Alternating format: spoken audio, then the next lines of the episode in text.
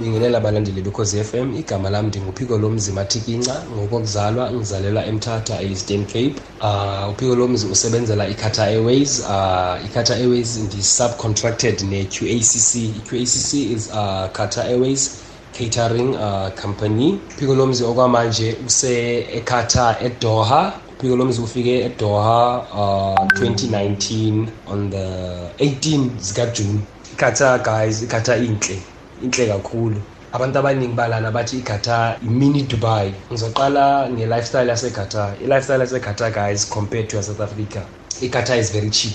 Bangithi i-cheap ngo-10 real i-currency yalana bayibiza ama-real ngo-10 real ngingakwazi ukuthi ngidle for two days. That's how cheap it is la eqatar kodwa ngo-10 rand e-south africa uyothengani ngo-10 rand. Ngo-10 rand lana ngakwazi ukuthi ngingene e-cape c ngiyithengele u-two piece ophuma nama-fries ophuma nebhan ngo-7 real bese ngiyithengele udrink ngo-one one rand fifty. Kodwa i-currency lana sithi one rand uh, 150 real so ngo-10 rand i can survive eqatar for two days but e-south africa angengikhona. So i-cost of living lana it's not it's not high. Ayikho high ayikho high ngempela. Into engichazayo futhi ngeqatar i-transport yakhona it's very accessible and nayo. It's not costly it's cheap. And uh, lana kulalwa-ke le mpilo leyo ibona emamuvini yokuthi ngo-12 ama-uber nama-cab ayaphithizela. Kunjalo itimela kunjalo and si-cheap. Angeke ngikholwe uma ngithi isitimela eh okay ngithi ngenze umzekelo from endaweni zoyazi from e-south africa. Ngingasuka ebria center ngiye kwamashu ngo-two rand uponda. That's how cheap it is. I-uber ngingasuka ebria center ngingasuka ebria center ngiye lokhunjaneni e-south beach ngo-five riyal. That's how cheap i-cost of living. Yala. Uh nge-security yalana eqatar nge-security yala eqatar uh, like i-safety and everything. Angifuna ukutshela manga like angazi ngaba sendaweni engikhululeke kuyo more than any place. Angazi. Kusafe la. Very very very safe. Nginunyaka and two months ngilana. And angazwa umuntu esithi wakhe warojwa noma wabanjwa inkunzi wabanjwa inkunzi noma waqekezelwa. Nokuhamba ngiye emsebenzini ngishiye ngingakhiyanga. Ngizoyithola into zami the way zingakhona. And kwi-company building akuna makhamera emarumini. It's only emaphasejini kuphela but and i-commune lana so umuntu angakwazi ukungena athathe la esihlala nabo. Sonke silana asisaba abantu balana but the way nathi sisaba ngakhona ukuthatha into yomuntu you, you don't awuyicabanga noyicabanga because lana the minute uba on the wrong side of umthetho uyaboshwa.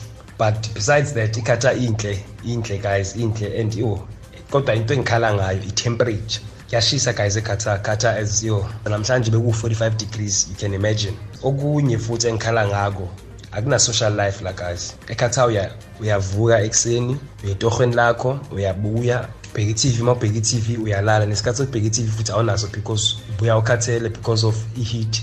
Okay la sisebenza khona it's uh, air conditioned uh, facilities isikhathi esiningi. So awuzi umshiso but uma uphuma emsebenzini umele i-transport ilanga lokwenzani kuyashisa guys. For a person ophuzayo i don't recommend ukuthi uze la eqatar unless ke soyitshela ukuthi ufuna uba serehab because nokuthenga utshwala kumele ube ne uh, what you call it i-license and 75 percent of wena uthole leyo license leyo uzodecline angazi ukuthi how they work or kwenzakala kanjani. Asange futhi ngayi-apply nokuyalaphela yena. Zange ngibuze ukuthi i-applyela abantu abanjani because abantu abaningi nje bangitshela ukuthi no they declined and everything and okunye angi-understandi ukuthi the way kushisa ngakhona lana kodwa awuvumelekanga ukugcoka amavesti awuvumelekanga ukugcoka aboshoti bongafiki. Ushoti wakho ushoti wakho kumele ube ushoti ondlule emadolweni. Uya kanjani ebish ugcoke ushoti omude. It doesn't make sense kimi but-ke imithetho yalana but ayenzi sense kimi. Okay let me talk about ama-health facilities walana. Ama-health facilities walana guys they are very biased. Abantu balana i'm sorry for ukusho kanjalo kodwa yindlela engakhona and i can't change lokho.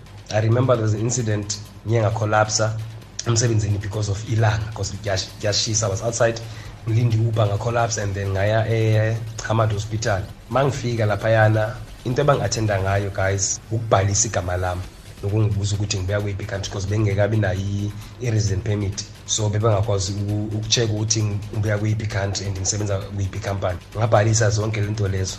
I waited five hours guys more than five hours in fact ukuthi bangi-athende kodwa ama-citizens walana uma wafika bona. Bayandlula nje bafike babhalisa amagama abanye babhalisa namagama akhip i-id bayibeke lapho babakhombe bathi go to room number sibani bani. Kodwa wena umuntu ofike ufike ekuseni ngitshela mina if ngitshela wakhulelwa futhi lana guys. Ukuba segatha ukuba segatha ayiyo I'd say this is the this is the most dumbest decision engike ngayithatha ebomini bami guys ukuzalana. If bengazile ukuya ngokwami bengeke ngibe lana. Ukuba kude nekhaya and having to face ama-situation akanje guys. Like it's it's not on. It's not on. Ngokutshela ukuthi wakhulelwa uyintombazana. You are deported. Umsebenzi uphelile. You can't have a relationship lana the only relationship that you have lana kahle kahle i-friendship and it shouldn't be ne-opposite sex. You can't. Nabona estradeni uhamba nentombazana. First of all nizobuzwa ukuthi ni-related kanjani? And awukwazi ukuthi ngisebenze nje mina ngisebenzela i-Qatar Airways akumelanga ngibe nesihlobo esikhe sasebenza i-Qatar Airways. And akumelanga ngibe nesihlobo esisebenzela i-Qatar Airways. So bayazi abantu ababuza ukuthi nihlobene kanjani. Obviously kumele kube umngani noma kumele kube yi-partner yakhe and kumele nishade. So imagine uhamba estradini kumele njalo uma ngihamba ngiphethe i-merit certificate. Uyabona kanjalo shuthi ngihlukumezekile. Ma kunjalo uma ngingamiswa iphoyisa lizongicela ukuthi ngiproduce i-merit certificate to prove ukuthi lo muntu engihamba naye sisadile na mina naye.